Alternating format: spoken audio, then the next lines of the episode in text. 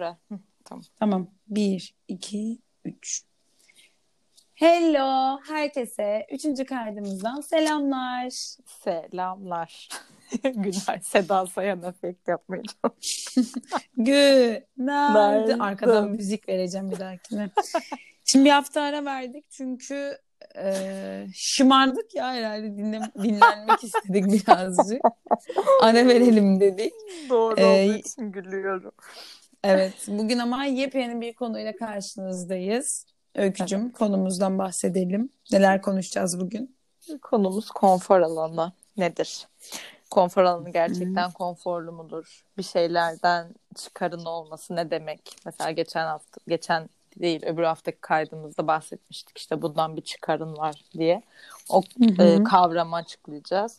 E, ve bu konfor alanından nasıl özgürleşiriz? Birazcık onlardan bahsedeceğiz. Evet, şimdi sen bize açıklamak ister misin? Öncelikle konfor alanı nedir? açıklamak isterim. Ee, bu bu arada bu kadar duraksamamanın ve şey yapmamın nedeni bu konuyu e, kendi hayatımdan şu an çok e, gündeminde olduğu için hani bulup çıkardım. Ee, size bir şeyler anlatırken, konuşurken de kendimi düşündüğüm için duraksıyorum. Ee, konfor alanı nedir? Kişinin e, şimdi hepimiz e, günün belli zamanlarında ya da belli e, günlerde işte stres yaşıyoruz. Bir yerlere giderken, gereken ne bileyim yeni iş görüşmesine giderken vesaire. Konfor alanı dediğiniz yer kişinin stres seviyesini minimumda yaşadığı, işte daha çok böyle durağanlığın hakim olduğu yerdir insan hayatında. Ee, çok sürprizlerle karşılaştığımız bir alan değildir. Ee, bildiğimiz, tanıdığımız, Mesela her gittiğimizde aynı yemek yediğimiz yerdir. Konfor alanı. Aynı içkiyi sipariş verdiğimiz mekandır. İşte oraya kimin geleceğini biliriz. Ee, burası bizi ilk baştaki gibi böyle eğlendirmez, belki heyecanlandırmaz, wow olmayız ama kötü bir içki içmeyeceğimizi ve yemek yemeyeceğimizi biliriz.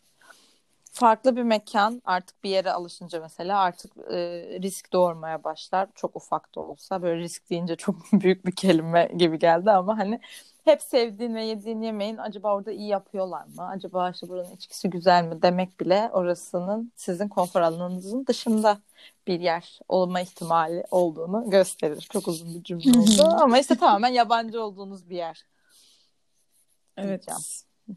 Evet, insanın huzursuz eden oradan çıktığında ama oradan çıkmazsa da daha lezzetli bir yemek ya da daha güzel bir içki içme şansını da e, devre dışı bırakmış oluyoruz. Aslında artık bir süre sonra gittiğimiz o mekanın yemeklerini beğenmemeye başlasak da ya da artık ilgimizi çekmiyor. Bu monotonluk bizim midemizi bulandırmaya başlamış olsa da yiyeceğimiz bir sonraki yemeğin bilinmezliği bizi oradan uzaklaştırıyor ve aynı yerde mutsuz da olsak kalmaya devam ediyoruz. Yani bu birazcık e, belirsizliğe kişinin tahammülü olmamasıyla alakalı bir durum. Belirsizliğe sabretmeye, tahammül etmeye başladıktan sonra aslında sabretmekle tahammül etmek birbirinden çok farklı kelimeler ama işte hangisini kullanıyorsa kişi e, yeni şeyler öğrenmeye, yeni kazanımlar edinmeye, belki çok daha güzel ödüller, karşılıklar almaya başlıyor.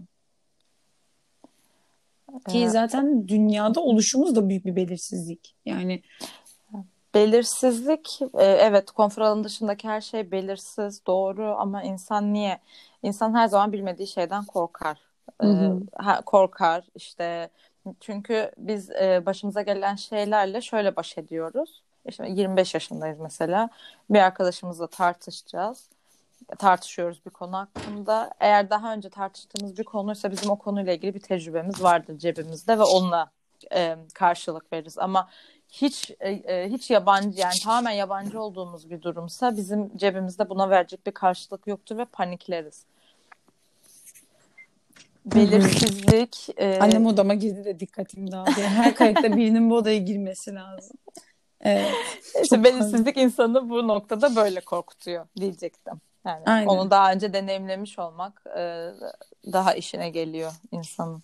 Ya güvenli alanda aslında bunu birazcık öğrenilmiş çaresizlik de diyoruz. Yani güvenli alanında buna demiyoruz tam olarak. Hani yanlış e, tarif etmeyeyim ama burada bulunmanın bizim için e, farklı sebepleri var aslında tek bir tek boyutlu değil güvenli alanda kalmanın nedenleri işte bu kendini gerçekleştiren kehanet ve öğrenilmiş çaresizlik dediğimiz iki birbirinden farklı kavram da bizi burada tutan şeylerden bir tanesi oluyor. Yani bunu birazcık daha açmak gerekirse mesela bu öğrenilmiş çaresizlik Seligman'ın dediğine göre işte insanların kontrolü dışında olan olumsuz durumlarla karşılaşması ve bunun sonucu ortaya çıkan işte motivasyon eksikliği ve artık ben çaresizim düşüncesi. Örneğin bir çocuk bisiklete bindiğinde ilk binişinde düştü ve bundan korktuysa ikinci denemesinde tekrar düşeceğim korkusuyla bir daha bisiklete binmek istemez. Çünkü ben o zaman dengemi sağlayamıyorum ve bunun ardından oluşan motivasyon düşüklüğüyle artık bunu denemiyor. Ne oluyor buna? Öğrenilmiş çaresizlik deniyor. Bunu kendini gerçekleştiren, e, kehanetten ayıran şeylerden bir tanesi deneyim olması işin içinde. Yani kişi gerçekten çaresiz olduğunu düşünerek baştan kabul ediyor. Bu hem psikolojik hem fizyolojik acıya katlanmaya başlıyor artık kişi bir süre sonra. Örneğin e, kocasından dayak yiyen bir kadın kader diyor.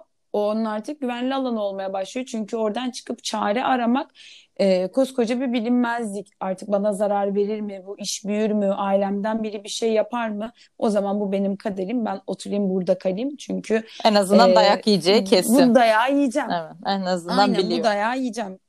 Ya da mobbing gören, patrondan mobbing gören, belki de tacize uğrayan çalışanlar e, diyor ki dışarıya çıkarsam yeni bir iş bulacak mıyım? Bu devirde iş bulmak çok Orada zor artık. Orada tacize uğramayacağım ee, ne malum ne malum hangi işe girersek öyle öğrenilmiş çaresizlik oluyor. Yani bu, bunu biraz benle öykü e, çalıştığımız işlerde yaşadık. İşte, ikimiz de rehabilitasyonda işe başladığımızda bir rehabilitasyondan ayrılıp başka yere girdik. Ha dedik demek ki bütün rehabilitasyonlar aynıymış. Mobbing her yerde varmış. Ama aslında öyle değil. E, bu birazcık iki işte benzer şeyleri yaşadığımızda e, kendimizi burada sıkışıyoruz. Aslında biraz bizim güvenli alanımız olmasının sebebi de bu oldu. Aman öykü nereye girersen aynı şey zaten mantığıyla burada kaldık yani ikimiz de. Ee, yani ikimiz de çok farklı alanlarda çalışıyoruz şu anda. Farklı okullarda çalışıyoruz. Farklı işler yapıyoruz ama e, örneğin Öykü'nün bilmiyorum bu, bu kayıttan mı bahsettin yoksa beğenmediğimiz bir önceki kayıtta mı bahsettin hatırlamıyorum. Ha, burada bahsetmedi. Öykü şu an mesela memnun olmadığı bir işte ama aslında kafasında burada kalmasının bir ton sebebi var. Bunları açıklamak ister misin Öykücüğüm? Neden güvenli alanındasın şu ben an? Ben güvenli alandan çıkacağım. Bu arada bu suçlamaları hiç kabul evet. etmiyorum. Bana yöneltmiş oldu. Hayır canım suçlama değil canım. Hayır ne, zaten buradan çıkmaya karar verdiğin için aslında bu podcast, podcast'i çekmeye başladı. Ya şöyle. Yani buradan evet, doğdu fikir nasıl bir öykü. Yani dediğin gibi evet baktık bütün rehabilitasyonlar aynı. Ama seni orada tutan bir şey oluyor. Yani insan hani e, bana bir danışan gelse desek işimde mutsuzum ve beni oraya bağlayan hiçbir şey yok. Ona söyleyeceğim ilk şey o zaman ayrıl olur. Kendime sordum yani Hı-hı. sen de aynı durumdasın. Niye ayrılamıyorsun? İşte mesela ilk şey maddi kaygı. Bir. İkincisi işte etrafta bu kadar işte ne bileyim işsiz var. Ee, sen iş beğenmiyorsun, bırakıyorsun. Ayıp. Ee, başka işte tamam sabit bir gelirin var kendine macera arama buradan çıkınca iş bulacağın garantisi mi var ee, kim sana oturduğun yerden o kadar para verecek vesaire vesaire vesaire ama işin özü mutsuzum hani asıl oranın ağır basması lazım ama orasının konfor alanı Hı-hı. olmasının sebebi oradan çıkınca bir bilinmezliğe sürüklenecek olmam aslında onların da bir cevabı var. Bak çok Hı-hı. küçük evet. bir şu an senle çok spontane bir şekilde psikodrama gibi bir şey yapalım. Sen mesela diyelim ki danışan olarak geldin işinden mut, memnun değilsin. Ben sana diyorum ki niye orada kalıyorsun? Ver cevabını. Mesela maddi kaygı dedin. Ha, oradan çıktığında işsiz kalacağını gerçekten düşünüyor musun? İş bulamayacağını. Mesela, evet değil. Bir psikolog evet, olarak. Evet dedik ve bunu e, bu evet, konuşma sürdükçe sürdükçe sürdükçe ve vereceğiniz her karşı cevap şöyle son bulacak yani. E, evet bir noktada iş bulacağım zaten. Aynen. İkincisi mesela başarısızlık düşüncesi. Gerçekten senin mesleğin olmadığı halde rehabilitasyonda çalışıyor. Sen bunun eğitimini almadın. Rehabilitasyonda çalışmanı, özel çocuklar çalışmanın eğitimini almadın. Bu işi yapamamanı ya da artık bir yerden sonra sabrının tükenmesini gerçekten başarısızlık olarak değerlendiriyor musun? Ya da bir arkadaşın yaşasaydı bunu öyle değerlendirir miydin? Buna da evet deseniz Muhtemelen, bile. Hayır. Evet deseniz bile bir iki Hı-hı. soru sonrasında diyeceksiniz ki hayır. hayır dönüyor. Evet yani mutlaka. Aynen öyle yani işte hani öykünün ben danışanım gelirse ayrıl derimin şeyi e, aslında bunlara cevap verdikten sonra hayır diyecek. Zaten ayrıl diyecek. Evet. Yani böyle oluyor süreç. Oradan Öykücüm ayrıl. oradan çıkmak lazım. Yani mesela burada diyoruz ya e, nefret ettiğimiz işimizden de mi orası konforlu olduğu için çıkmıyoruz. Evet o yüzden çıkmıyorsun. Çünkü tekrardan işe başlamak, işte aramak, ne bileyim belki bir süre işsiz kalacak olmak e, ya da tahammül edemediğiniz birçok şeyin. Evet riskli bir durum ama siz bu riske kat, kat- katlanmak diyecektim. Yanlış bir kelime. Siz bu riski almayı mı seçiyorsunuz yoksa orada kalıp mutsuz olmayı mı seçiyorsunuz? Ki risk alırsanız muhtemelen muhtemelen çok daha iyi olacak sizin için. Ama her şey sıfırdan başlamak insanın gözünü korkutuyor. Evet. Ya aslında işte burada da hani konfor alanında kalma kendini gerçekleştiren e, şey pardon öğrenilmiş çaresizliğin konfor alanında kalmakta çok büyük etkisi varken oradan çıktığındaki e, o stres, o belirsizliğe tahammüllük ya da risk alma olayının da en büyük e, şeylerinden bir tanesi, handikaplarından o kendini gerçekleştiren kehanet dediğimiz şey. Kendini gerçekleştiren kehanet de birinin hiçbir deneyim yaşamadan yani sonunda bilmediği, sonunu bilmediği ama gerçekleşmesini beklediği bir olayın ya da e, durumun gerçekleşmesidir. Ama aslında olan şey bu kişinin büyücü olduğunu ya da onu gerçekten öngördüğü için yaşaması değil. Kişi e, ya da olay işte hakkında bir beklenti var ortada. O beklentiye göre düşünüyor ve ona göre davranıyoruz. E, bunun sonucu zaten muhtemelen beklediğimiz gibi oluyor. Ama biz ne diyoruz? Ben demiştim. Hayır sen dememiştin. Sen öyle olsun diye Zaten sonucun uğraştın. öyle olması için uğraştın, öyle düşündün, davranışlarını değiştirdin. Bu ne oluyor? Kendini gerçekleştiren kehanet oluyor. Yani ben örnek veriyorum. Bu rehabilitasyondan girdik diye oradan örnek veriyorum. Rehabilitasyondan çıktım. Ne yapacağım? Ee, başka bir alana girmek, kendi mesleğimle ilgili bir alana girmek benim için risk. Ama bir psikolog için muhtemelen genel olarak konuşuyorum, genelleyerek konuşuyorum. Hepsi böyle değil tabii ki ama e, diğer rehabilitasyon da onun için aynısı olacak. Ama ben başka işlere bakmıyorum. Evet. Eğitimleri araştırmıyorum. Ve şurada mesela işsiz kalma konusunu da aynı örnekten ele alacak olursak yani çıktım ben e, işimden nefret ediyorum bir hafta böyle oh be dedim e sonra beni işsiz kalma korkusu sardı ve ben iş bulmak için hiçbir şey yapmıyorum ve sonunda işsiz kalıyorum ve diyorum ki ha işte gördün e kim Ben kim demiştim. alacak seni evden işe götürecek yani Aynen öyle. Ya gerçekten öyle. Ha, şey şöyle bir örnek verilmişti buna işte bizim eğitimimizde. Kişi, öğrenci tarih sınavına giriyor. iki kere üst üste giriyor. İkisinde de başarısız oluyor. Üçüncüsünde artık hiç çalışmıyor. Diyor ki zaten ilk ikisinde başarısız oldum. Bu öğrenilmiş çaresizlik. Bir tanesi de diyor ki ben zaten matematik yapamam. Hiç çalışmıyor sınava. Ee, ve yapamıyor. Sonuç kötü geliyor. Diyor ki ha, ben demiştim zaten kendini gerçekleştiren kehanette çaba yok, tecrübe yok Evet. öğrenilmiş çaresizlikte de bir tecrübeden sonra çabalamamanın sonucunda tekrardan artık aynı şeyi benzer durumun içinde kişinin kendini bulması oluyor birazcık. Ya buradan çıkılmalı ya acilen cidden Aynen. Ama işte oradan çıkmıyoruz çünkü bir yarar görüyoruz oradan. Bir şeyin faydası var bize. Aynı o dayak yiyen kadın da söylediğin gibi yani dayak yiyeceğin kesin. Da başka bir sürpriz olmayacak yani. Ya çoğu kişinin cehennem dediği yerler de aslında onların güvenlik Hı hı. alanı. Yani şöyle benim panik bozukluk tanısıyla gelen bir danışanım olmuştu. Ee, ilk seansa geldiğinde bundan ne kadar kurtulmak istediğini söyledi. O kadar bahsetti ki. Ben işte seansın sonlarına doğru dedim ki peki bu ataklar sizin ne işinize yarıyor? Kadın çok şok oldu. Yani dedi ki bu nasıl benim bir işime yarayabilir? Benim hayatımı cehenneme çevirdi. Ben artık herkesin çok normal bir şekilde yapabildiği şeyleri bile yapamıyorum.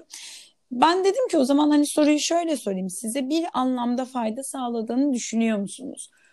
Sonraki seanslarda bana şunu söylemişti. İlk atak geçirdiği güne gitti. O gece yaşadığı bir olaydan sonra kendini nasıl suçlu olduğunu düşündüğü, nasıl suçladığını anlattı. Ve o kişi öldüğü için de artık bu suçluluğun geri dönüşü olmayacağını söylüyordu.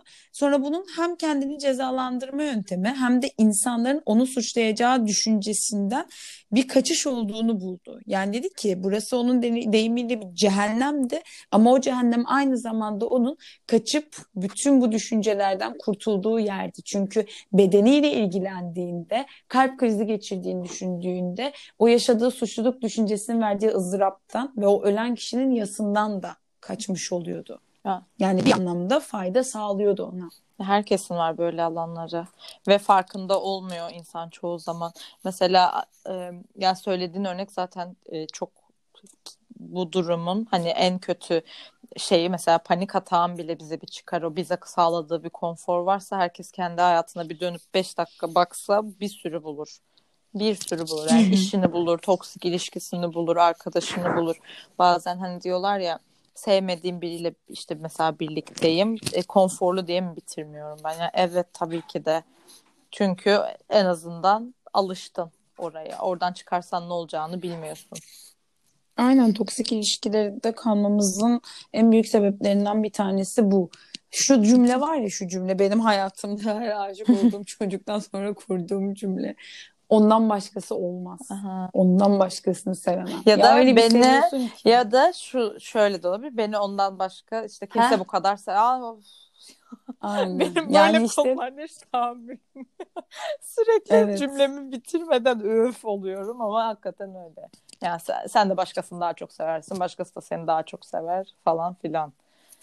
Evet, toksik ilişkiler de maalesef ki çoğu zaman bizim güvenli alanımız toksik arkadaşlık ilişkileri de, toksik aileler de e, bizim bir süre sonra güvenli alanımız haline geliyor. Çünkü- Çünkü, dışarı çıktığımızdaki o bilinmezlik bizi çok korkutuyor. Çünkü yapıyı öğreniyorsun. Yani mesela ne bileyim bir arkadaşınla sürekli aynı yerden tartışıyorsun ve o kişiyi artık hayatında istemiyorsun ama çıkartamıyorsun çünkü zaten alışmışsın aynı tartışmayı yapmaya sürekli. Evet, ya ben e, ağzının tadı bozulmasın diye sevgisinden ayrılmayan arkadaşlarımı biliyorum. Evet. Yani ya bu şu an e, dinleyecek olan yakın arkadaşlarımın e, bahsetmiyorum ama hani böyle bir şey var. Kiminin de bitiremediği mesela yıllardır ilişkisi var. Niye bitirmiyorsun ya da ayrı olmalarına rağmen bitmeyen şeyini bana huzurlu hissettiriyor diyor. Dünyanın en huzursuz ilişkisi dışarıdan baktığında ama işte Orayı evi gibi şey, hissediyor işte. Evde kavga var, Evet. orayı evi gibi hissediyor. Ya bu oradan nasıl çıkarsın? İşte önce oranın sana zarar verdiğini anlayarak çıkarsın. Mesela onun e, huzurlu olduğunu iddia etmeye bırakarak çıkarsın. Çünkü değil. evet.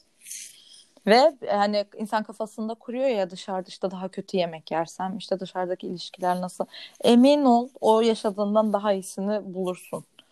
Daha iyi Hı hı. yemeği de bulursun. Çünkü her şeyin daha iyisi ve daha kötüsü var. Dünyanın senin o erkekten ya da o yediğin yemekle sınırlan sınırlanmıyor. Öyle o kadar küçük bir yer değil yani. Ya bu bu işte biraz da işi romantikleştirmekle de bu maalesef bu işte Twitter'ın ya da Facebook'un bizi bu kadar e, böyle toksik ilişkileri romantize etmesiyle de alakalı bir durum. Yani düşünüyorum mesela şey vardı bir tweet vardı Twitter'da beni aşırı etkilemişti ilk zamanlar böyle bu toksik ilişkilere sapkın bir şekilde bağlı olduğum zamanlarda işte e, neydi ben ben tepemize yıkılacağını bildiğim o eve ayakkabılarımız dışarıda yan yana olsun diye girdim. Ne kadar korkunç bir cümle aslında ama o kadar romantize edilmiş ki. Diyor ki ya aşkına eşkıyayım ben ya diyor. Acısı bile bal. Öyle Toksik şey yok ilişki ama. konuştuğumuz zaman ben yokum programda. Çünkü tahammül edemiyorum ya yemin ederim. Yani Ama kendimize. e, tabii canım o kendimde yok, şey yansımasını gördüğüm için hani e, kimseyi de eleştirdiğim için değil.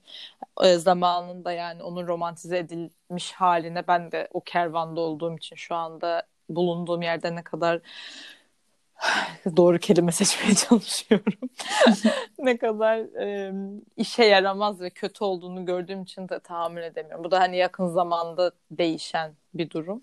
Ama neyse Bu da yani, özdeğerin değişmesiyle Evet, işte evet, kişinin. aynen. O- E, konfor alanına çıkışı da bu aslında. Yani mesela iş değiştirmeyi düşünen biri niye iş değiştirmiyorsun? Hani gerçekten bu mobbinge maruz kalmak zorunda mısın sence? Asla değil. Hayır değilim. Başka yolu var mı? Var. Ama işte orada bir öğrenilmiş terslik var. Her yer böyle ya. Değil. Değil. Sen daha ilerine layık olduğunu düşünüyorsan çıkacaksın. Bir planın olacak mesela. Nasıl mesela nasıl çıkarız bu durumdan? Kafanda bir şey oluşturursun. Ya onun için adım atman gerekiyor. Yani bu konfor alanından çıkma işi biraz da risk göze alma, cesaret. Ben demiyorum hı. ki konfor alanınızdan mesela şu da anlaşılmasın. İşte bir evi geçindirmek zorundasınız. Siz işinizden memnun değilsiniz. Ay ben konfor alanından çıkıyorum deyip işte beş kişinin elinize baktığı bir ev var. Yani bu risk analizini de şuursuzluk. yapın. Aynen bu, bu şuursuzluk ama Bu şuursuz bir hareket. ama bu analizi yapıp hani işte artısını eksisini hani ben bu işten mutsuz olduğum için çıkabilecek lüksüm var mı? Var varsa çık. Onu demeye Hı hı. çalışıyorum. Bunu nasıl yaparsın? İşte bir adım atarak, cesar, cesaret göstererek, o e, başka yerde yiyeceğin yemeğin güzel olma ihtimalini de göze alarak falan aklıma bunlar geliyor. Aynen. Yani tek boyutlu şunu düşünün. Orada kalmanızın nedeni tek boyutlu değil. Eğer işin içinden çıkamadığınızı düşünüyorsanız da mutlaka bu konuda destek alabilirsiniz. Orada burada gördüğünüz motivasyon yazıları bazen hiç işe yaramayabilir. Bazen Ya ben de de işe yaramıyor. Ben bazen gerçekten e, gülüyorum. Hatta bunu e, bilmiyorum deneyimledim bir kere. Bir yere gitmiştim. Aşırı canım sıkkın. Duvarda şey yazıyor. Hep gülümse. Gülümseyemem hep. Yani hep mutlu olamam ya da hadi bugün gününü değiştirmeye pencereme çiçek koymakla başla. Tamam pencereme çiçek koyayım ama içte benim çözümlenmesi gereken çok daha karmaşık bir problemim var artık. Orada yerleşmiş köklü bir problemim. Onu çözmeden pencereme çiçek koymak günü kurtarır. Ama kökten çözmek istiyorsanız bu konuda destek almaktan çekinmeyin. Evet. bence. Bu konuyu başka bir podcast'te konuşalım bence. Motivasyonel şeyleri ve kişisel gelişim Evet. zırvaları neden işe E, yaramaz? Bize çok iyi şöyle hani birbirimizi motive etmek için öyküde çok sık birbirimize bir şeyler gö- gönderiyoruz ve gününe denk geldiyse zaten üstünde çalıştığımız bir konuysa kendimiz için mesela örneğin işi bırakmayı düşünüyor. Orada bir şeyler o konuyla ilgili bir şeyler gönderdiğinde evet işe yarıyor. Ama durduk yere mutsuz olduğum bir gün sana öykü gülümse hadi şimdi biraz daha gülümse biraz daha gülümse de bir şey göndermek hiçbir anlamı yok. Neden Hmm. mutsuzsun? Neden oradasın? Bunu çözebileceğin gerçekten Aynen. bir şeyin var mı diye Ya gitmem da bazen gözünde mi büyütüyorsun ona da bakmak lazım. mesela hani diyorsun ki ben burada mutsuzum. Benim mesela kendimi doldurduğum çok olur. Ee, benim kararlarımı almam normalden daha uzun sürer. Çünkü çok çabuk kendimi şişiririm ve doldururum. Bu kararı almam ya işe girdiğimden beri çıkmayı düşündüğüm için artık doğru Aynen. karar aldığıma emin gibiyim. Eminim yani. İşte ama bu bu kendini gerçekleştiren kehanete giriyor bence. Ben eee, bir ilk ilişkimde diyeyim hadi artık çünkü üstünde şey olmasın diye kimse. O zaman işte eee, ilk tecrüben oluyor. ilk ilişki tecrübem. O kadar önyargılıyım ki ilişkileri de şey diye başlamıştım zaten. Neyse e, bakayım olmazsa ayrılırım. Bir ay geçsin neyse bir ay geçsin sonra ayrılırım. Şu doğum günü geçsin ayrılırım. Öbür doğum günü geçsin ayrılırım dedim. Dördüncü ayda mı beşinci ayda mı ne ayrıldık zaten. Bu ilişkinin bitmeme ihtimali yok, Yok, arkadaşlar. evet. Çünkü ayrılmaya programlanmış bir şekilde başladım. Ve zaten o şekilde de devam etti bu ilişki. Benim ondan sonraki bütün düşüncelerim, bütün davranışlarım ayrılacağımıza yönelikti zaten. Hani bu Ya onu da iyi analiz etmek Evet. gerekiyor. Yani siz bunu çok Evet. kendiniz doldurduğunuz için mi yoksa gerçekten mutsuz olduğunuz için mi? Ya bu- Bunu bir yıl sonra fark ettim ben. Birkaç yıl sonra hatta dedim ki ben kendimi doldurmuşum ki. Bunun gerçekten bitmesinin sebebi bu. Yani pişman olup şeyden değil ama dönüp kendi ilişkilerime baktığımda bunu anlamıştım. Kendi kendini dolduruyorsun aslında biraz da. Ona iyi bakmak lazım. Tabii ki mutsuz olduğunuz Aynen. hiçbir yerde durmayın ama o mutsuzluk zannettiğiniz şeyin altından başka şeyler çıkabilir. Ee, karşılanmamış beklentiler olabilir. Ee, sizin insanüstü beklentileriniz olabilir mesela. Tabii tabii. O peri masalı inancı, Hı. beyaz atlı prens yok. Onlar da yok. Ee, Şey de yok böyle patronunun Ay hiç bir anda evet, aşık bitti ya. olduğu ve Patron, bütün- patron lafı duydum ya tüylerim diken. Ay gerçekten bu arkadaşlar bu dizileri bıraksak mı? Yani ben kendim de dahil geçen Hayır şey dizisi ya. var ya bir tane. Şeyi, ben şeyi kastettim. Patron kelimesini duymaya tahammülüm olmadı. Ha İşe. ben de patron ve e, ilginç bir şekilde bütün dünyasını verdiği dizilerdeki fak- ezik kendini ezen fakir kız muhabbetinden aşırı sıkıldım. Yok ya onları da konuşuruz. Aynen ya bence de bir gün Konfor alanı konuşalım. böyleydi.